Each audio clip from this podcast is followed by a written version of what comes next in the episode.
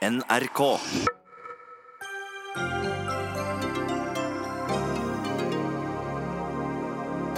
PST vil ha bevæpnet politi i Norge, og mener det offentlige utvalget som ikke ville ha generell bevæpning, bygde på sitat 'lite oppdatert, upresis og irrelevant informasjon om trusselbildet'. DNB skrøt av at de solgte seg ut av omstridt oljerørledning i Nord-Amerika, men gjett hva? Banken låner fortsatt ut 7 milliarder kroner til de samme firmaene som eier prosjektet.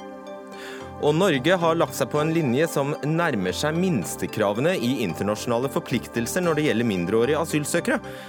Nøyaktig hva betyr det, spør vi UDI-sjefen.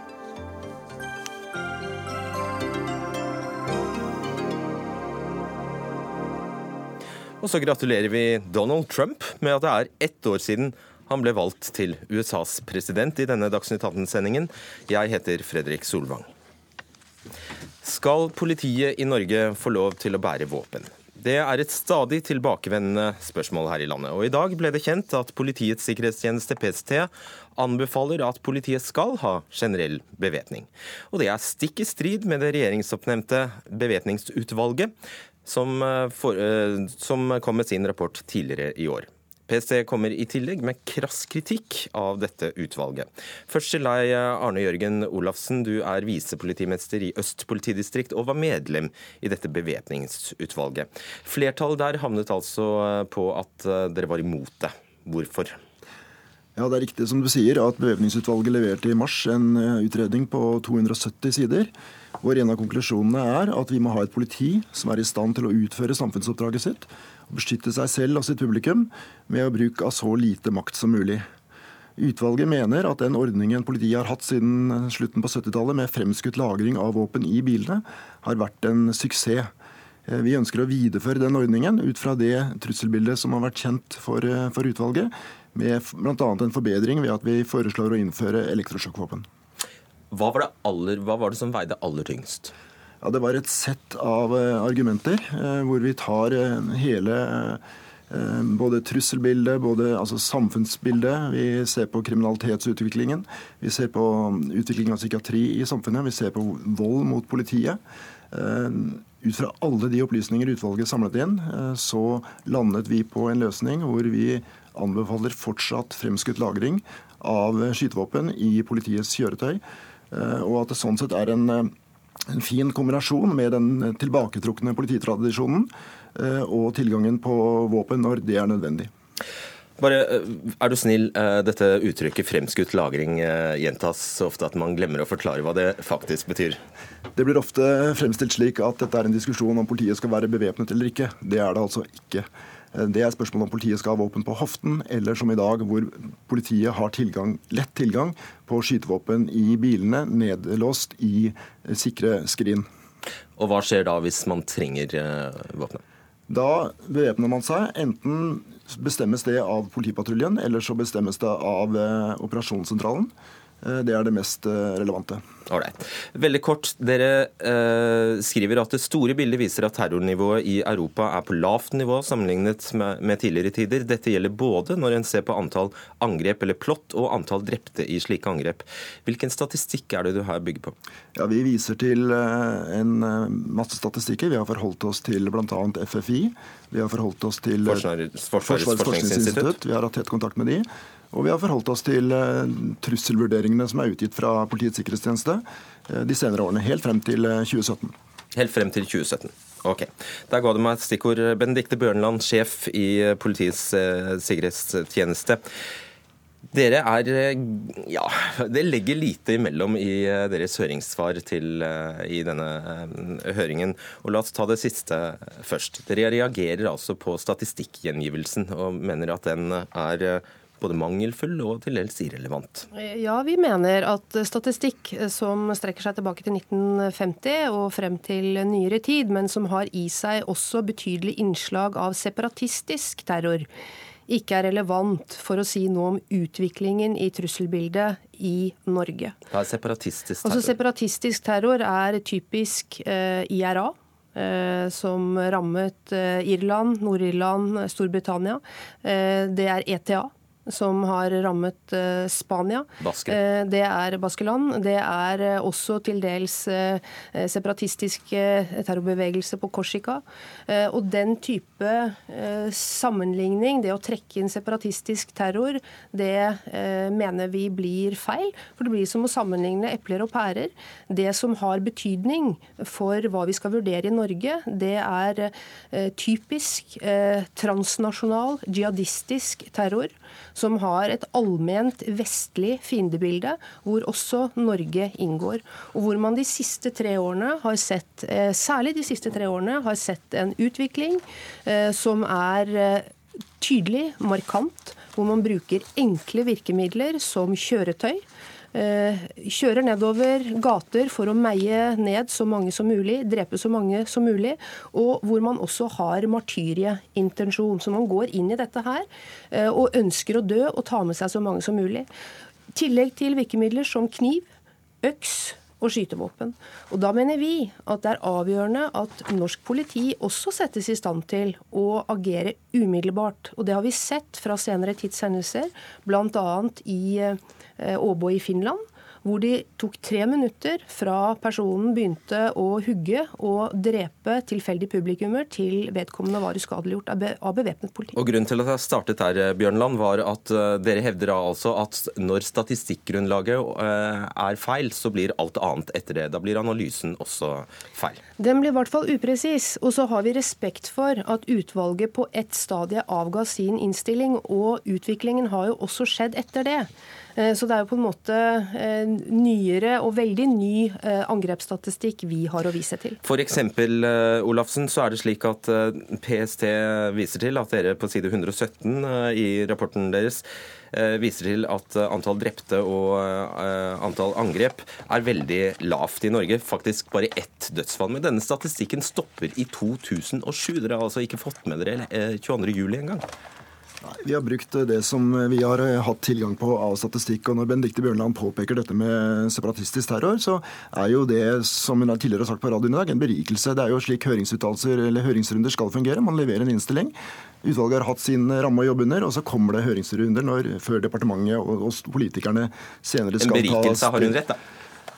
Det er ikke noe tvil om at eh, en del av den terroren som har vært begått i Europa på 80- og 90-tallet, har vært lokalisert til de områdene hvor det har vært Eh, konflikter.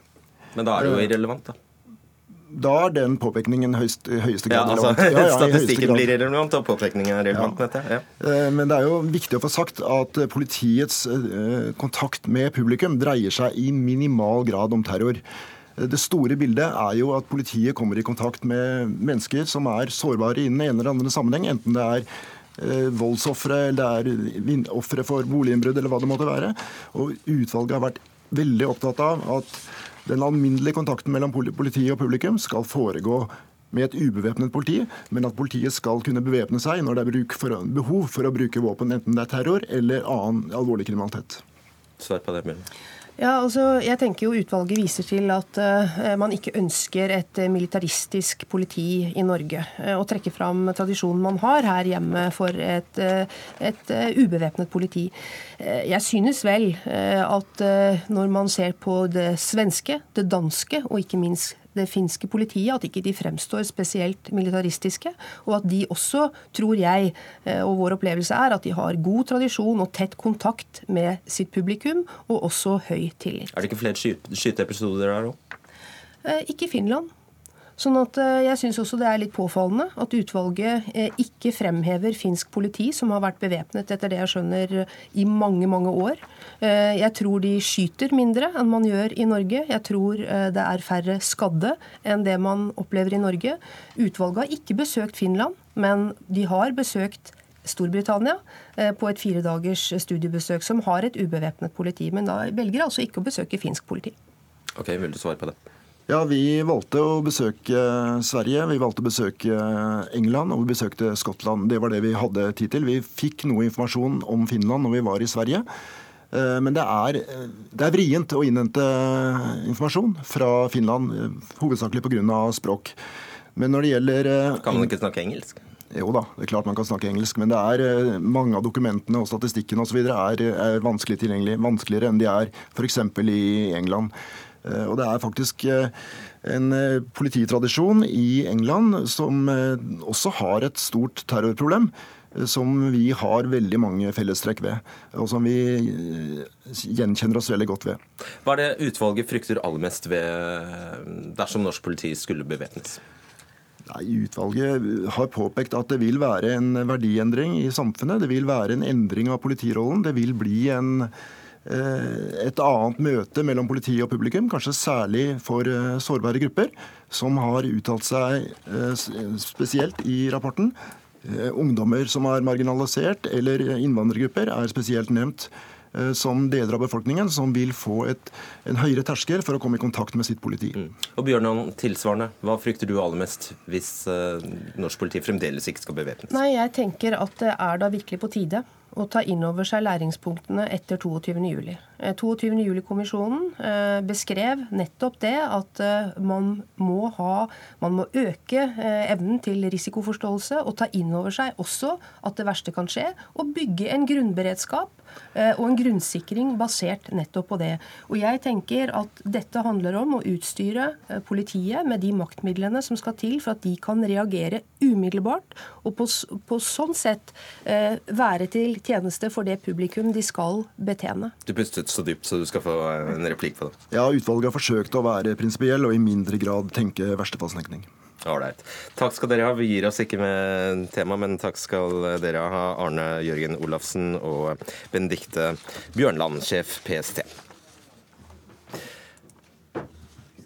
Inn i studio her nå kommer eh, tre politikere. Det er eh, Per-Willy Amundsen, som er justisminister. Så er det Peter Frølich fra Høyre, og så er det Petter Eide fra SV. Vi starter med deg, eh, Per-Willy Amundsen. Ja. Og en fjerde person, ja, ser man det! Marie Karine Aasen Svensrud fra Arbeiderpartiet. Velkommen til deg også. Først, Amundsen, du er vel glad for denne innstillingen fra PST? Nå er det ikke noe hemmelighet at jeg personlig og mitt parti ønsker generell bevæpning av politiet. Men jeg syns at PST som er en tung og viktig aktør eh, i forbindelse med denne høringa, har kommet med en svært god, velbegrunna høringsuttalelse, som jeg tror blir veldig viktig eh, i arbeidet videre som skal gjøres i oppfølginga av de eh, de høringsuttalelsene vi mottar frem til 1.12. Ja, ikke sant? Og så er den på ti sider mot uh, ditt eget utvalg ca. 250 sider. Så man lytter vel til fagfolk når man kan? Altså, dette er et, viktig, eh, altså, veldig viktig sak som vi skal ta stilling til. Eh, og Det er viktig at vi drøfter det bredt. Eh, det opplever jeg at vi gjør nå. Både når utvalget la frem sin utredning, men også etterfølgende. Nå har jo også politidistriktene kommet med sine høringsuttalelser. Jeg mener det er en nyttig, viktig diskusjon som vi som samfunn må ta. Det handler om hvordan vi skal innrette oss for å ivareta sikkerheten for borgerne. Eh, og Da eh, må vi også ta inn over oss at sikkerhetssituasjonen der ute har endra seg dramatisk. Og helt riktig som PST også påpeker, det har skjedd eh, store endringer bare de siste tre årene. Petter Eide, medlem i justiskomiteen på Stortinget for SV. Noe av det, Du hørte sikkert det siste Benedicte Bjørnland sa her. Hun sa vi vil ikke ha en gjentakelse av 22.07. Vi må bevæpne politiet. Ja, jeg, Sterkere argument finnes jeg, jeg hun sa det, og jeg syns kanskje det er litt ufint av henne å bruke den, akkurat den situasjonen som et, som et, argument. Fordi det forhindrer oss i å diskutere de prinsipielle sidene av denne saken. Um, nå er det faktisk sånn at det er et flertall på Stortinget som er motstandere av dette. Og det er nok også motstandere motstander av bevæpning av politiet. Og det er nok også et flertall på Stortinget som mener at dette skal være en politisk beslutning um, av politikere. Det er altså fint å lytte til politiet, men det er altså ikke slik at det skal være politi eller militære for den saks skyld som skal bestemme sine egne maktmidler. Det må bestemmes på et politisk nivå, eh, fordi det, det, er, det griper ja, det ingen, ja. nå, det griper dypt inn i måten vi organiserer samfunnet vårt på. Så uh, mener jeg at, uh, at, det er ikke nødvendigvis slik at bevæpning forhindrer terror. I, I, utvalgets rapport så står det veldig klart at type bomber og den type plutselig og planlagt terrorisme, så spiller bevæpning liten rolle. SV er ikke mot bevæpning, men den skal være i bilen eller tilgjengelig på en eller annen måte, men ikke permanent på hofta. Men så er det kanskje et veldig viktig sentralt argument. Jeg må bare ta det. Permanent bevæpning av politiet senker terskelen for å bruke våpen. Og Det betyr at politiet kommer til å komme i situasjoner som de ellers før har løst uten våpen, og så velger de nå å bruke våpen. I vårt naboland Sverige så drepes det flere mennesker hvert år av politiets kuler. Det er mennesker som dør. Eh, i situasjoner hvor politiet ville løst de situasjonene uten bruk av våpen. Det er jeg redd for. Det er en samfunnsendring som jeg er imot. Og Jeg formoder bare at det er forskning du viser til nå, så det kan du få svare på, justisminister. La meg først si at uh, det er selvfølgelig ikke sånn at det er politiet sjøl som skal bestemme uh, dette viktige samfunnsmessige prinsippet som vi skal ta stilling til nå. Men det er da heller ikke sånn at verken politiet eller PST er uviktige som aktører når de kommer med sine vurderinger. Og de har jo et eh, operasjonelt utgangspunkt. De står nært disse problemstillingene eh, ofte. Og da er det ganske naturlig at vi som politikere lytter til dem. Så er det sånn at det er Stortinget som selvfølgelig endelig skal fatte eh, sitt vedtak med eventuelle endringer i politiloven når det gjelder bevæpning av politiet. Sånn skal det selvfølgelig være. Men det er altså nyttige og viktige innspill som kommer, som vi må ta med oss. Så er det ikke sånn at, at Eh, fordi at Man snakker hele tida om, eh, om, å forhindre terror. og Det er viktig i seg sjøl. Det, det, gjør vi langs, langs mange linjer. Men det vi har sett, og særlig har skjedd eh, gjennom det siste året, vel året, så er det det at når det først skjer terrorhendelser, så er altså politiets evne til å raskt skadebegrense situasjonen av vital betydning. Det betyr rask redde menneskeliv. Eh, og da må vi altså eh, tenke i baner av eh, generell bevæpning. Så har heller ikke regjeringa, og det er viktig for meg å understreke, regjeringa har heller ikke tatt stilling til dette. Det vil vi gjøre på et senere tidspunkt, før det fremmes en eventuell proposisjon for Stortinget. Foreløpig bare på høring. Maria Aasen Svensrud, medlem i justiskomiteen på Stortinget for Arbeiderpartiet. La oss eh, gjøre tankeeksperiment at regjeringen faktisk eh, går inn for bevæpning. da. Og gjør Arbeiderpartiet da? Nei, Arbeiderpartiet er skeptisk til en generell bevæpning. Vi mener ikke at en generell bevæpning av politiet vil gjøre samfunnet vårt noe tryggere. Jeg er enig med SV i at dette er en verdidebatt. Det er derfor det er viktig også at den løftes opp til det uh, politiske nivået. Løsningen som er i dag, hvor politiet kan gis en midlertidig bevæpning, er en god løsning. og I tillegg så er det lett tilgang, tilgang. Bl.a. også ordningen med fremskutt våpen tror jeg uh, er god og kan bidra til at vi ivaretar politiets behov behov for bevæpning. Og om 22.07-argumentet skulle bite på noen, så var det vel deg? Uh, ja, altså, det er, det er, jo sånn at Jeg er litt eh, skeptisk til å bruke uh, enkelte terrorhendelser som et bakteppe for debatten om generell bevæpning. Jeg tror ikke det gir oss den gode verdidebatten som også SV etterspør. Jeg tror ikke det gir oss uh, innholdet som vi burde ha. Dette handler om hvordan vi ønsker å innrette samfunnet vårt, hvordan vi ønsker at kontakten opp mot politiet skal være. Er det ikke bedre å ta, ta, utgangspunkt i et helt konkret, faktisk tilfelle? Altså, det er som flere har sagt her, at Eh, terrorhandlingene kommer jo på forskjellige typer måter gjennom forskjellige typer virkemidler. Og Det er ikke nødvendigvis sånn at en økt bevæpning av politiet vil eh, trygge mot det. Eh, så jeg er glad for at vi skal ta denne debatten på et politisk nivå. Jeg er glad for at vi trekker fram verdigrunnlaget. Og for Arbeiderpartiet så er det ingenting som tilsier at vi får et tryggere samfunn av en generell bevæpning. Mm. Peter Frølich, du er andre nestleder i justiskomiteen på Stortinget for Høyre. Nå har heller ikke dere tatt endelig stilling, men, og høringsuttalelsene er i ferd med å komme inn. Mm. Ut fra det mm, ganske vektige innspillet man må anta at eh, PST er, eh, og eh, rapporten på over 200 sider, mm. hva, ja, hvor vil du si pila, pila peker? Vi har alltid vært opptatt av å lytte til politiet. For uh, dette må ikke komme fra politisk hold og nærmest bli trykket på politiet. Det, det, må være noe som politiet ønsker selv. Og Så ser vi at pil går i den retningen. Stadig flere politifolk har nå endret mening. Og det er tunge aktører som kommer inn og kommer med gode innspill nå. Så det er helt klart at, at trenden går i den retningen. Og så er jo forskjellen da på, på Høyre og regjeringspartiene og Arbeiderpartiet og SV er at vi må i det minste sette oss ned og vurdere dette. Det høres ut som de lukker døren allerede nå og, og stenger eh, på en måte og bolter igjen eh, døren. Det bør i det minste være eh, mulig å sette seg ned og tenke seg om en gang til, basert på de siste hendelsene som har vært rundt omkring i verden, basert på at så tunge aktører har endret holdning. Men i stedet for så ser det ut som at skylappen er på, at hodet stikkes i sanden. Om jeg tenker en gang til er falle om jeg tenker en gang til, så mener du egentlig at vi skal falle ned på samme standpunkt? Ikke nødvendigvis, men jeg, har, jeg, altså jeg, kan respektere at man har prinsipielle kvaler eh, for, for, dette, for det er vanskelig. Men hvis man, skal komme, hvis, man, hvis man skal lese denne type innspill og bare lukke øynene blindt for det, da har man på skylappene, og det bør i det minste gis en seriøs behandling. Ok, Petter Eide, 22. juli til side. da, at Du har sikkert lest høringsuttalelsen fra PST, og det er ganske sjelden kost? Ja, det er veldig, det er veldig sterke ord eh, som de bruker, og jeg har eh, selvfølgelig det det veier selvfølgelig tungt, det de sier. Men vi må opprettholde det prinsipielle her. At er, vi skal lytte til politiet, men det er faktisk en politisk eh, beslutning fordi dette handler ikke bare om en beslutning om sikkerhet, det handler om et dyptgripende, dyptgripende endring i det norske samfunnet. Det å utstyre politiet med våpen, eh, altså med våpen på hofta. Eh, et vesentlig positivt trekk ved, ved politiet i dag det er at det er nærhet mellom politiet og publikum, og at eh, folk i Norge har tillit til politiet. Et politi som går, og Politiet går i barnehager, ikke sant? de går på skoler, de, de er på torg og de rusler rundt i gatene. og Folk eh, småprater med dem og, og, liker dem, og de er hyggelige og greie.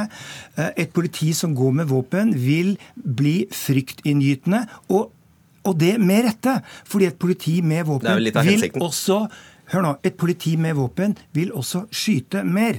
Derfor så vil også tilliten mellom publikum og politiet forvitrer med dette. Det er en samfunnsutvikling som vi må gå imot.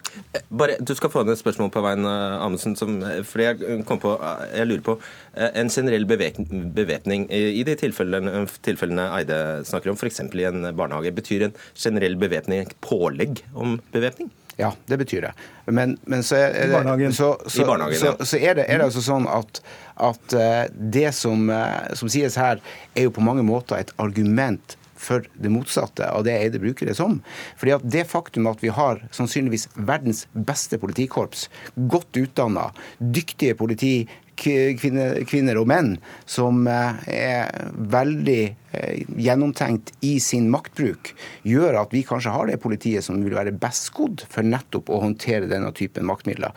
Og så er det jo ikke sånn at Hvis vi ser litt rundt oss, til eh, Sverige, særlig til Danmark kanskje, at, at, det politiet blir oppfatta som noe annet enn det norske, som tvert imot et imøtekommende og sivilprega politi. Men det faktum at eh, man har den muligheten i en akutt situasjon. Og som jeg sier, når en, en hendelse skulle kunne skje, så må man raskt være i stand til å avverge det og, og redde liv. Svar raskt på det, Eide, også Åsen Svendsrud. Nei, jeg syns ikke vi skal utstyre politiet ut fra en sånn uh, i verste fall-tenkning. Vi er nødt til å utstyre politiet ut fra hva som er vårt, uh, vår generelle behov for trygghet. Det å lage tenkte scenarioer for hvordan ting kan oppstå, så utstyre politiet i forhold til det, det er å lage et politi som, vi, som, som ødelegger den, det gode, fine fundamentet i det, i, det, i det norske samfunnet, og et politi som bærer våpen når de skal hilse på barnehagen barnehagebarna, Amundsen, ærlig talt. De barna vil, vil, bli opplært til at politiet er noe skummelt, noe skremmende, og det er ikke den samfunnsutviklingen, i hvert fall ikke vi i SV. For, for, å si det sånn, bare for å klargjøre det, om man måtte ta av seg våpenet når politiet er på besøk i, i en barnehage, altså, det tror jeg vi finner gode, gode retningslinjer på. men, det som er, men det som er viktig, det som er viktig er at man i den ordinære tjenesten er i stand til å håndtere eh, situasjoner som i verste fall vil kunne kreve at man raskt tar ut eh, skade. Åssen senser du når du bruker og jeg nevner det er bevisst, når du bruker begrepet skeptisk? Betyr det at du ikke er så fastlåst som Frølich f.eks. Nei, altså, jeg er i hvert fall ikke, ikke der at jeg har tatt med skylappene. Arbeiderpartiet skal helt klart sette seg inn i, lese og ha gjort eh, grundige vurderinger av rapportene som kommer fra PST. Og vi vet også at flere politidistrikt, og de fleste tror jeg, eh, ikke er enig i en generell bevæpning. Sånn at vi skal lytte til fagmiljøet. Men det er jo også pga. at vi lytter og ser til fagmiljøene at vi kan stå for at vi ikke ønsker en generell bevæpning. Fordi vi må lytte til at fagfolka faktisk veit når en bevæpning også funker best. Hva syns du er det beste argumentet for bevæpning, da?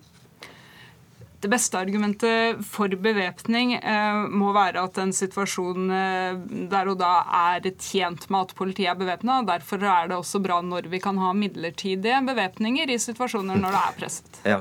Motsatt til deg, hva er det beste argumentet mot bevæpning? Altså, jeg ser at dette kan være et uh, prinsipielt spørsmål uh, for, uh, for, mange. Det kan gå på hvilke redskap man ønsker å utruste politiet med, eller statens maktapparat med. Men jeg syns hele debatten om tillit og dette er snudd fullstendig på hodet. Altså, man får det egentlig til å bli liksom, et spørsmål om tilliten til politiet står og faller på om man har våpenet der eller man, om man har våpenet der eller i en, i en kasse. Til syvende og sist så koker jo tilliten til politiet ned til om de klarer å redde folk i akutte situasjoner. Og Vi gjør politiet en veldig stor tjeneste om vi gir dem verktøyene for å kunne gjøre nettopp Ok, så du svar på det. Ja, Nei, altså, men Det er derfor vi skal ha tillit til at politiet tar fagvurderinga av når en bevæpning, når en situasjon og når dagen er sånn at man trenger en bevæpning, så skal vi kunne gå inn og ha en midlertidig bevæpning. og Da må vi lytte til fagfolka. Men den viktige debatten her sånn handler om om vi tror at samfunnet vårt blir mer trygt og mer sikkert med en generell bevæpning. Det tror ikke Arbeiderpartiet. Eh, statsråd. Men så er det også sånn, eh, og det må man ta med seg, at borgerne må være trygge på at staten er i stand til å håndtere farlige situasjoner. Og jeg mener at Der har eh, PST et veldig godt poeng i sin eh, høringsuttalelse, nemlig det at et politi som raskt er i stand til å agere, tar vare på sikkerheten til borgerne dersom det skal oppstå en hendelse, det handler om trygghet. Det handler om eh, borgernes oppfatning av at man lever i et trygt samfunn. Og da er det faktisk et poeng i seg sjøl at et politi som er rusta til å håndtere skarpe situasjoner, er, eh, er i seg sjøl trygghetsskapende. Men i mange land Per Willy Amundsen, hvor politiet har våpen, så drepes flere mennesker av politiets våpen enn det sivilbefolkningen drepes av terrorister. Så det regnestykket ditt går ikke opp. Og det er altså ikke slik det er altså ikke slik at den, den, altså den, type moderne terrorisme som vi nå har sett, de vet jo også eh, at politiet eh, har våpen. De vil jo da nødvendigvis passe på å gjøre sine terrorhandlinger slik at politiet ikke kan nå dem med våpen. Så dette gir ikke den sikkerheten du prøver å, å late som. Det, det er en falsk trygghet du legger opp til her. Og det er en falsk trygghet med den pris at eh, vi får en varig inngripen i samfunnet. Vi får et politi, som, et politi som mister noe av tilliten til befolkningen. Og vi får også et politi som, blir, som senker terskelen okay. for bruk av våpen. Frø, Frølich, jeg, jeg vil utfordre deg. Din kritikk av skylapper hos politiske motstandere bør jo ikke minst rettes eh, til din egen parti, eh, til din egen, egen regjeringskollega Frp, som har inntatt et standpunkt lenge før de, ut, før de sender ut noe som helst på høring. Lenge før de får en utredning en gang. Nei, altså, Frp sitt syn på dette har jo vært kjent i en 10-20-30 år. Ja, Det må jo så... være like kritikkverdig? Nei, altså jeg kan respektere de som har en prinsipiell innfallsvinkel til dette, og det oppfatter jeg for så vidt SV så det, at de har. Det aksepterer du den ene veien, men ikke nei, den andre veien? Det som, er, det som er problemet den andre veien, er at man tar en del praktiske argumenter. Vi hører f.eks. dette med at norsk politi ikke skal være i stand til å håndtere våpen og sånn. Det er en myte. Den er, av, den, den, den, den er rett og slett avkreftet senest i dag av NRK. Det er skrevet en sak nå om at norsk politi brukte mindre våpen så når, når de var bevæpnet. Så når Frp mener prinsipielt at nei, det er bra kan... med bevæpning, så frikjenner du dem helt og mener at det er det? En ideologisk tilnærming til dette kan være at norsk politi bør ha minst mulig tilgang til våpen. Eh, derfor, eh, derfor så ønsker ikke et uh, autoritetskritisk parti som SV å utruste det kan, jeg, det kan jeg støtte. Men disse her mytene og disse jukseargumentene som jeg kaller de, som går på at, liksom, at alt skulle bli Ville Vesten og cowboytilstander bare du utruster politiet politiet med våpen. Okay. Det må vi slutte med, for det er rett og slett bare myter, og det er feil. Jeg prøver å fordele tiden. Du skal få eh, avslutte, Åsen ja. Svensrud. Og, og så, hvis jeg kan få lov til å sette litt på spissen, Arbeiderpartiet ønsker seg ikke et sånt eh, politimester Bastian-opplegg, men vi ønsker oss heller ikke den, uh, den drømmen den drømmen Frp har om å amerikanisere det norske samfunnet. Vi ønsker også et trygt og godt politi med bevæpning når det er behov for det. Det tror vi er den beste løsningen. Men det er altså sånn at Vi har et særdeles godt utdannet politi. Ja. Det er all grunn til å ha tillit til norsk politi. Eh, det er blant de beste i verden. Og de har dermed også den beste forutsetningen for å håndtere det maktmiddelet som faktisk Når går høringsfristen ut? 1.12. Ok, takk. Dagsnytt 18 alle hverdager klokka 18.00 på NRK P2 og NRK2.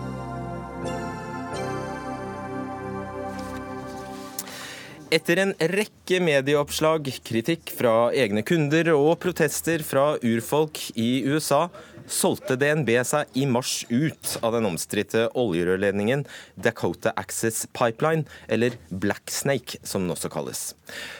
Oljerøret, som strekker seg over et område i North Dakota hvor urfolksgrupper i USA holdt til i veldig veldig mange år, fikk mye oppmerksomhet fordi folk fryktet en mulig lekkasje, og det var, det var en av grunnene til at DNB solgte seg ut. Men i dag kan NRK avsløre at banken fortsatt låner ut penger til fire av de fem eierne i prosjektet. Lån som til sammen kommer på sju milliarder kroner. Er det ikke sånn, Karl Gøran Larsson, nei, eh, journalist i NRK Sápmi? Ja, det stemmer det. Ja, Kan ikke du ta oss med til starten, der, altså du som har avslørt uh, dette. Hva var det med denne oljerørledningen som gjorde at så, så mange engasjerte seg? Ja, Det starta jo som smått i starten av 2016, da noen medlemmer av urfolksstammene Lakota og Dakota i Standing Rock Sioux-reservatet begynte å protestere mot at en oljerørledning skulle bygges der like ved reservatets grenser. Hvorfor det? De mente at eh, deres stemmer ikke var blitt hørt, og at eh, denne oljerørledningen eh, gikk over områder som, som, de mente da var tidligere gitt til dem av, av USA, og også at, at, utbyggingen ville ødelegge hellige områder samt forgifte drikkevann de, drikkevannet deres. Mm. Så på hvilken måte var DNB av alle involvert i dette? Jo, eh, vi begynte jo å undersøke om, om, eh, det var noen norske penger med i dette. og eh, Vi begynte med denne saken allerede i fjor på, på ca. samme tid som nå. og Da fant vi at det var flere milliarder norske kroner i prosjektet, og bl.a. fra DNB. og Det, det skapte jo også stort engasjement i Norge. da. Mm. Og når du sier mye penger, da var det altså snakk om direkte økonomiske nå jeg, direkte økonomiske eksponeringer mot Dakota Access Pipeline. DNB sendte da ut en pressemelding eh, etter mye press, vel å merke, en pressemelding etter mye press om eh, at de ikke lenger var, hadde slike direkte økonomiske eksponeringer. Eh, men hva skjedde etter det? Ja, Med direkte økonomiske eksponeringer så mener jeg vel at de hadde direkte lån til selve prosjektet Dakota Access Pipeline. Men nå i senere tid så har jeg undersøkt dokumenter som viser at uh, DNB fortsatt har lån til selskapene som eier eh, det her prosjektet. Så ikke direkte til, til oljerørledningen, men til, til, de selskapene som eh, bygger ut, ut oljerør. Hvordan oppdaget du det? Nei, siden det var ett år siden, så tenkte vi at man kunne undersøke den saken på nytt igjen. ja, fordi DNB hadde jo lovt på tro og ære at nei, nå er vi ute. Ja, de hadde jo sendt ut en pressemelding der ja, ja. de skrev at de var at de ikke hadde noen direkte eksponering lenger. Men uh, de her uh, papirene fra bl.a.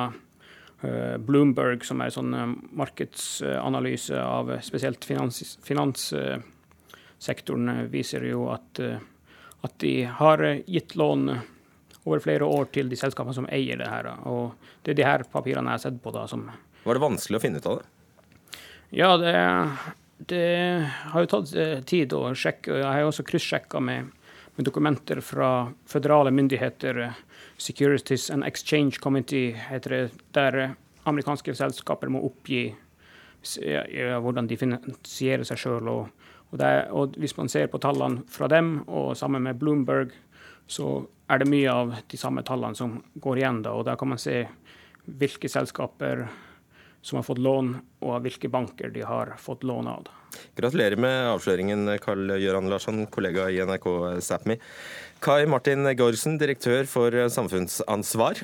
Ja, samfunnsansvar og næringspolitikk i eh, DNB. Løy dere? Nei.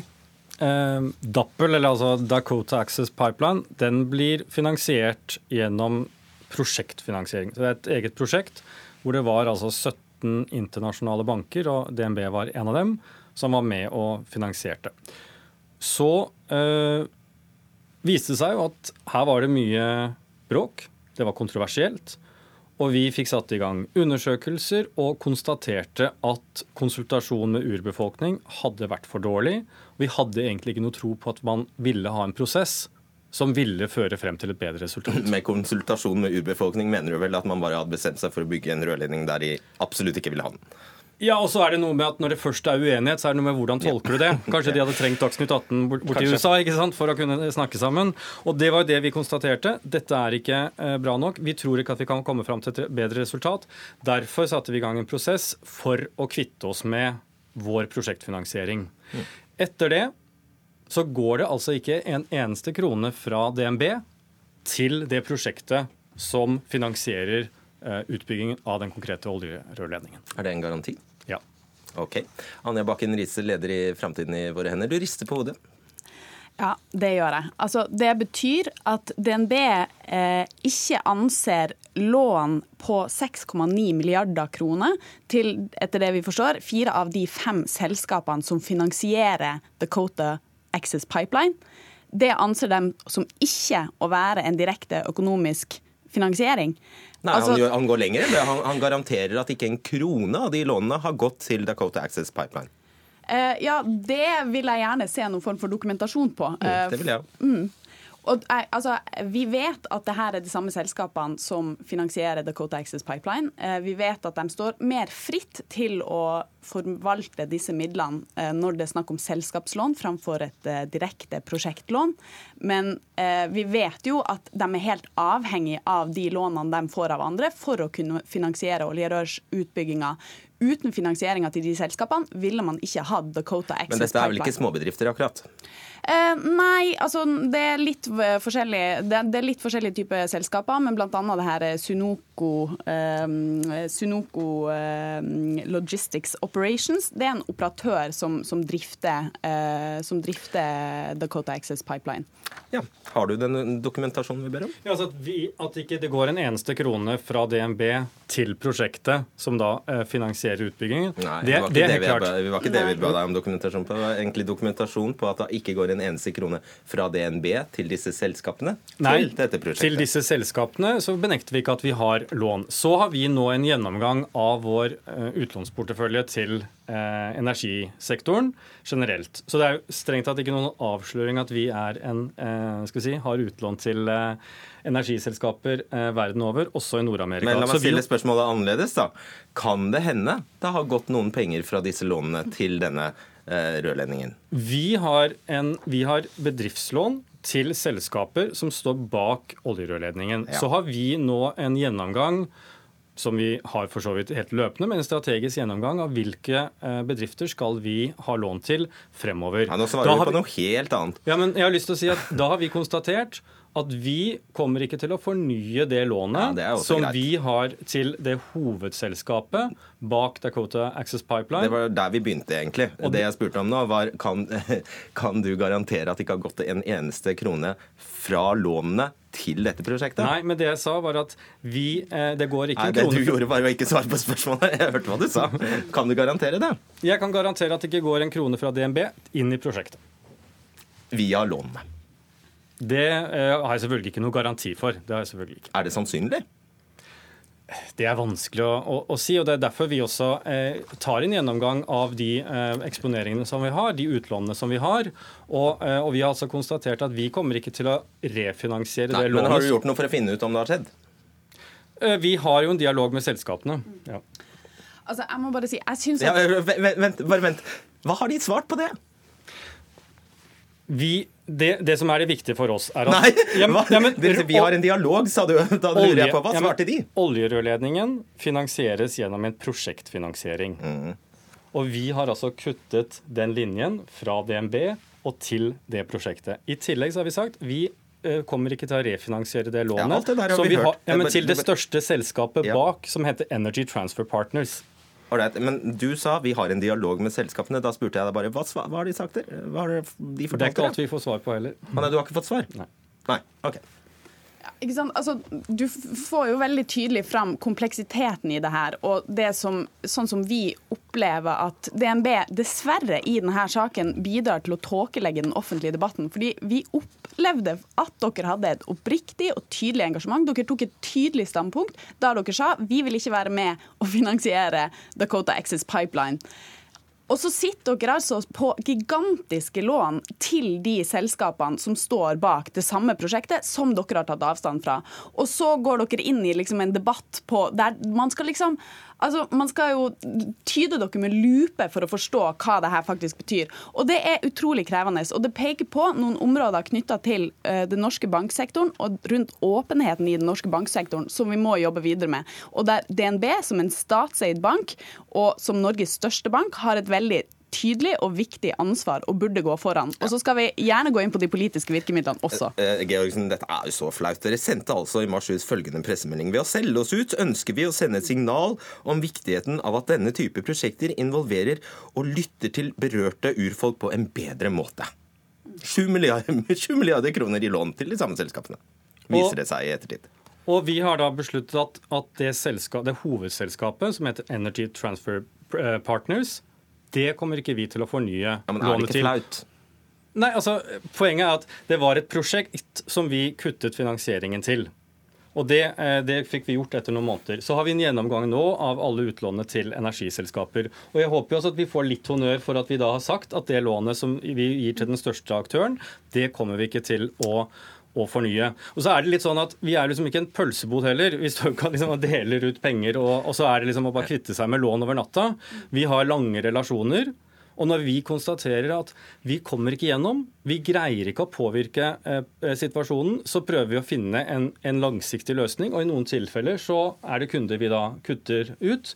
Det er også prosjekter vi går ut av. Okay. Men det er prosesser som tar, tar, måneder. Og jeg har lyst til at man skal liksom prøve å se det litt over tid og vurdere oss liksom på hva er liksom vår profil. Jeg tror jo at framtiden i våre hender egentlig ikke ønsker at vi skal låne ut til olje og gass, men det kommer vi fortsatt til å, å gjøre.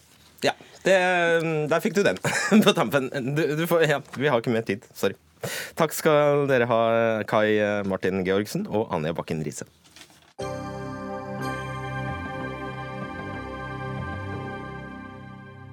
For nå skal vi snakke om Afghanistan. Er det trygt nok i Afghanistan til å sende tilbake enslige unge afghanere dit? Spørsmålet har vært oppe til debatt i ukevis. I dag ble det også tatt inn i stortingssalen, hvor utenriksminister Ine Eriksen Søreide og innvandrings- og integreringsminister Sylvi Listhaug var hasteinnkalt for å redegjøre om sikkerhetssituasjonen.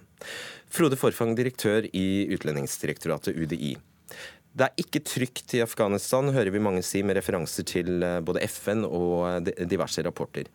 Hvor trygt må det egentlig være for at dere skal vurdere det som trygt nok til at en asylsøker skal reise tilbake? Jeg tror i hvert fall debatten viser at det er litt ulike terskler for hvor man mener at det er trygt nok. Eh, og Det som har vært en litt forvirrende debatt, er at det har handlet mye om hvem som har rett om sikkerhetssituasjonen i Afghanistan. Jeg tror det er et blindspor, fordi når vi ser nærmere på dette, så er det ganske stor enighet mellom de ulike ekspertmiljøene om hva som er den faktiske situasjonen. Så det det mye handler om, er hva skal til for å si at situasjonen i et land er så alvorlig, så uh, altså sikkerhetsmessig alvorlig, at ingen kan returneres til det landet eller til deler av landet. Så selve situasjonsbeskrivelsen, altså ja, ja, nøyaktig hvor mange bomber og hvem som treffes av dem, det er man, det er man ganske enig om? Alle refererer til de samme internasjonale rapportene, til de samme altså, beskrivelsene når det gjelder de faktiske forholdene. Jeg ser ikke noen stor uenighet på det området. Så det handler om hva man mener skal være terskelen for å si at nå er, alvor, nå er situasjonen så alvorlig at eh, det ikke er trygt å sende noen tilbake. Og det er det er også litt sånn forskjell på hva folk tenker liksom mer sånn folkelig, hva er trygt i et land, eh, og i forhold til hvilke terskler som gjelder når man skal returnere en asylsøker som kommer fra et land, tilbake til det landet. Så kan du gi et eksempel på det, er du snill, det, sånn at ikke dette blir helt kodete? Jo, altså det, for det første er Det slik at uh, det skal en relativt høy terskel til for å erklære at et, uh, situasjonen i et land er så alvorlig at ingen kan sendes tilbake. Vi har et eksempel på et sånt land nå, og det er Syria. Der har vi erklært situasjonen slik at ingen kan returneres dit. Så er vurderingen av Afghanistan eh, en del annerledes. og Vi mener i hvert fall at i store deler av Afghanistan så kan man returnere asylsøkere ut fra en sikkerhetsvurdering som da knytter seg til hva som skal til i forhold til asyl og det å få asyl i Norge. Og så kan jeg bare si at Den vurderingen som vi altså i UDI har gjort på dette, den samsvarer veldig godt med det som andre lands utlendingsmyndigheter legger seg på. F.eks. alle de nordiske nabolandene våre, et land som Tyskland, legger seg på eh, omtrent den samme vurderingen når det gjelder sikkerhetssituasjonen. Og Bare for å ta Sverige som et eksempel. Eh, Sverige, av de sakene fra Afghanistan som Sverige har behandlet hittil i år, og det er et ganske stort antall saker, så har eh, ca. 60% fått avslag, som da innebærer at de forutsettes returnert til Afghanistan. Eh, det dreier seg faktisk om, så mye så, som ti, så, så, vi er ikke særlig så mye strengere enn Sverige, f.eks.? 10 000, 10 000 afghanere har i år fått avslag på asylsøknaden i Sverige. Eh, tallene er mye større i Sverige fordi det kom så mange flere eh, dit enn til Norge. Men, men det er altså et stort antall eh, afghanere som har fått avslag i Sverige. Og da baserer jo Sverige seg på samme eh, sikkerhetsvurdering. Jeg vil utfordre deg litt ja. til på det, med, fordi du viser til det hele tiden. Samme sikkerhetsvurdering. Mm. Vær snill å forklare, Betyr det altså eh, en enslig eh, yngre eh, asylsøker som mener seg, som da altså ikke har grunnlag for opphold, det er det vi snakker om her, men som kan, kan bli sendt tilbake. Hvis vedkommende da bor i en by der det har vært fire terrorangrep på ett år, f.eks., er det sånne ting man snakker om? Om det skal være tilstrekkelig for å det, kunne handler, si? Da handler, det om, da handler det ikke bare om at det er enslige mindreårige, da handler det også om at det er en del av sikkerhetsvurderingen. Altså hva skal til for at sikkerhetssituasjonen i en by som f.eks. Kabul er så alvorlig at ingen kan, eh, kan, sendes tilbake dit. Det har vært en del terroraksjoner eh, i Kabul, hvor også en del sivile liv går tapt. Eh, da vil det ofte være tilfeldige ofre, men, men, det har skjedd i Kabul. Og det er ikke noe tvil om at det er en alvorlig situasjon sånn sett i Kabul. Og det er noen hundre eh, hittil i år som er blitt drept i terroraksjoner i Kabul. Så skal vi også huske på at Kabul er en by med fire-fem millioner mennesker. Så bare ta det i betraktning. Men, men, men, eh, men, eh, det er klart at når vi nå ser på hva andre, både nordiske land og europeiske land for øvrig, sier om sikkerhetssituasjonen i Kabul f.eks., for i forhold til å returnere asylsøkere, så ser vi at vår vurdering er helt på linje mm. med det andre land uh, legger seg på i forhold til f.eks. For En, en provins eller by som Kabul. Nettopp, men likevel skriver du da altså at Norges linje har nærmet seg minstekravene i internasjonale forpliktelser, som da vil si Flyktningkonvensjonen og Den europeiske menneskerettighetskonvensjonen, og at vi er på riktig side, men med mindre marginer enn før. Hva betyr det? Ja, Da viser jeg til på en måte en rekke innstramninger som har foregått, særlig i perioden fra 2008-2009, hvor det var en serie innstramninger som ble gjennomført. Og så har det vært forsterket med nye innstramninger de siste par årene etter at vi fikk mange asylsøkere i 2015.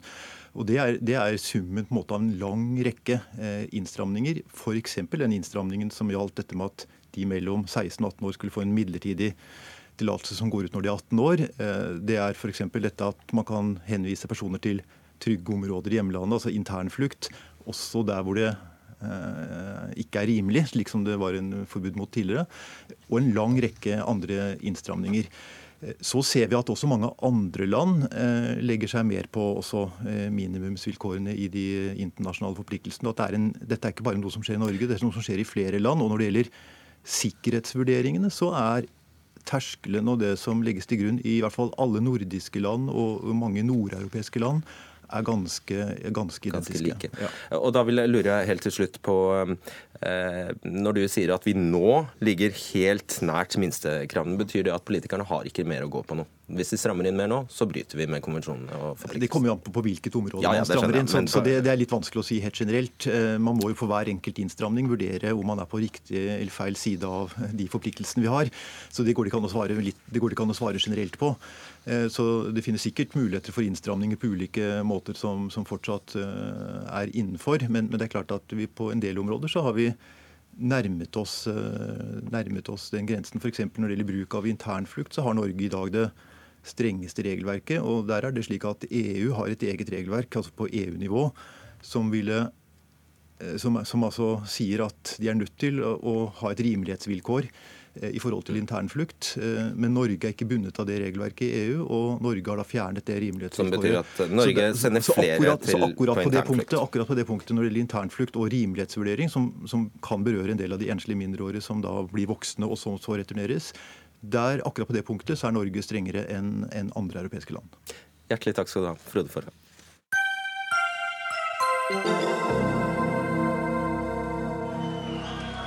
I've just received a call from Secretary Clinton.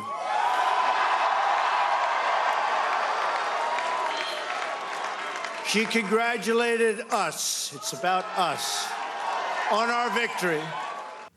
Ja, Det er ett år i dag siden Donald Trump fikk telefonsamtalen fra Hillary Clinton, der hun gratulerte ham med seieren i presidentvalget. Førsteamanuensis og USA-ekspert ved Bjørknes uh, høgskole, står det her. Stemmer det? Det stemmer, ja. det. Jeg ble bare usikker. Faktasjekk korrekt. Ja, takk. Hilde Restad, iallfall. Det stemmer. Da du satt i studio her for nøyaktig et eh, år siden, fikk du spørsmålet hvem kommer til å vinne det amerikanske valget, og du svarte? Ganske sikker på at jeg sa Hillary Clinton. Ja. Um, det var nok mange som var enig med deg. Det var svært få, hvis noen i Norge i hvert fall, som i fullt alvor eh, trodde at USAs neste president skulle hete Donald Trump. Og den bøllete reality-kjendisen uh, og eiendomsmagnaten ble av mange sett på som en vits som framsto uegnet til å lede verdens eneste supermakt. Men uh, et mindretall av amerikanske velgere ville det altså annerledes. Restad, hva tenkte du i dagene etter eh, seieren eh, at eh, Trump Hvordan tenkte du Trump ville klare seg som president? Akkurat like dårlig som han har klart seg. han har jo ikke forandra et gram av seg sjøl fra da han var kandidat til han ble president. Han har jo ikke vokst i rollen. Han har ikke prøvd å føre amerikanerne sammen. så det har gått akkurat så dårlig som jeg trodde det kom til å gå. Ja. USA-korrespondent Anders Magnus, eh, hva sier amerikanerne om sin egen president i dag? Det er eh, et stort eh, flertall som ikke liker den måten han gjør jobben sin på. Det er jo målt popularitetskurver her hver eneste dag omtrent, og nå ligger han så lavt som noen president siden Truman har gjort etter første året, på rundt 37-38 men eh, det er jo først og fremst eh, de som ikke stemte på han, som misliker han. De som stemte på han, der er det 91% som syns han gjør en god jobb. De er bare ikke mange nok, da. Det er de som svarer i undersøkelsen. Nei, nå er det ikke mange nok eh, lenger. Så de vil nok ikke vinne et valg i dag. Og det ser vi jo også i på dette guvernørvalget som var i Virginia i går, hvor demokratene vant eh, med nesten 10 prosentpoeng over den republikanske kandidaten. Så demokratene er nå i veldig godt humør og sikre på at de skal gjøre det bra ved mellomvalget til Kongressen i 2018. Vi har med oss eh, Torbjørn Knutsen, du er professor i statsvitenskap ved NTNU i Trondheim. Ja, det er som, eh, som, Anders Magnus sier, ingen president siden Truman har hatt lavere oppslutning enn Trump har på målingene nå. Hva er hovedårsaken til det? Ja, grunnen til det er vel at han har ikke levert på de politiske løftene sine. Og grunnen til det igjen er vel at han er klossete og ineffektiv i politikken. Altså han, er, han har ingen politisk erfaring, og han vet ikke hvordan han skal lede sitt parti i, i Kongressen slik at de får sakene sine gjennom. Har han ikke Han har jo rådgivere? Han har det, men han er selv eh, Altså, presidenten har en førende rolle i, eh, i, i, viktige saker som skal gjennom i Kongressen, og her har ikke Trump engasjert seg personlig. Det har han overlatt eh, til eh, republikanske ledere å gjøre, og de er splittet innad. En uvitende amatør er din attest? Ja, jeg har sagt at han er en uvitende amatør, og det står jeg ved. Han er amatør fordi at eh, han har liten eller ingen politisk erfaring. Han er en eh, finansmann. Og han er uvitende. Eh, det syns jeg viser seg nesten hver gang han eh, eh Hver gang han eh, tvitrer og åpner munnen om en eller annen sak, så viser han at han, han, han behersker ikke elementær kunnskap om politikk, selv ikke om hvordan det amerikanske politiske systemet virkelig fungerer. Hilde Restad, det har altså vært eh, guvernørvalg eh, nå i USA, og der, der var det mange demokrater som gikk seirende ut. Det et, kan det tolkes som et tegn på en, på en protest mot Trump? Eh, den store seiersmarginen som demokratene så i går, det var valget i Virginia, det var valg i mange andre delstater også, eh, tyder på at har, folk har vært inspirert til å gå og stemme, i hvert fall mot Donald Trump. Eh, men nå er det et helt år til mellomvalget, og jeg skal nå i hvert fall ikke si hvem som kommer til å vinne det valget. er, det, er det sannsynligvis altså, hva, hva er de største smellene Trump har gått på i løpet av siste året? Ja. Eh, har du, Hvor lang tid har vi da? Han, ikke, ikke veldig lang tid. Han har ikke fått noe igjennom eh, Kongressen, og det er utrolig flaut når eh, det republikanske partiet har full kontroll over alle delene av den amerikanske føderale regjeringa. Det er veldig merkelig. Og det er selvfølgelig helt enig med Torbjørn Knutsen i at det er fordi Trump ikke vet hvordan han skal være president. Han kan ingenting om å være president og kan ingenting om politikk. Men i tillegg så er også det republikanske partiet internt eh, i en slags intern borgerkrig, hvor etablissementet kriger mot eh, ytre høyre, som Donald Trump da leder. Eh, så de har store problemer. Mm. Hvorfor blir han ikke avslørt av Anders Magnus blant sine egne? Det er eh, veldig mange som syns Trump er en kjekk kar. Eh, jeg har snakket med en god del av dem i Texas, hvor jeg var nå på denne masseskytingen. og de syns at uh, det går bra i USA nå. De sier at uh, se på børsen, den har steget 20 siden uh, Trump ble valgt, og det stemmer. Og det er der vi har sparepengene våre, det er der vi har pensjonspengene våre, så vi liker dette her. Dessuten så har jo arbeidsløsheten gått ned. Den er jo nå på et ganske lavt nivå, rundt 4 Eh, han har fått til eh, en del når det gjelder kullindustrien. Den har et, har et, midlertidig oppsving. Eh, de fleste tror at det kommer til å gå ned igjen ganske snart, men det er et midlertidig oppsving. Og han har også fått deregulert en god del miljøkrav og miljøbestemmelser. Så det er mange i hans eh, kjernevelgergruppe som mener at han faktisk har gjort eh, ganske mye. At, eh, men der han ikke har nådd igjennom, det er ikke hans skyld.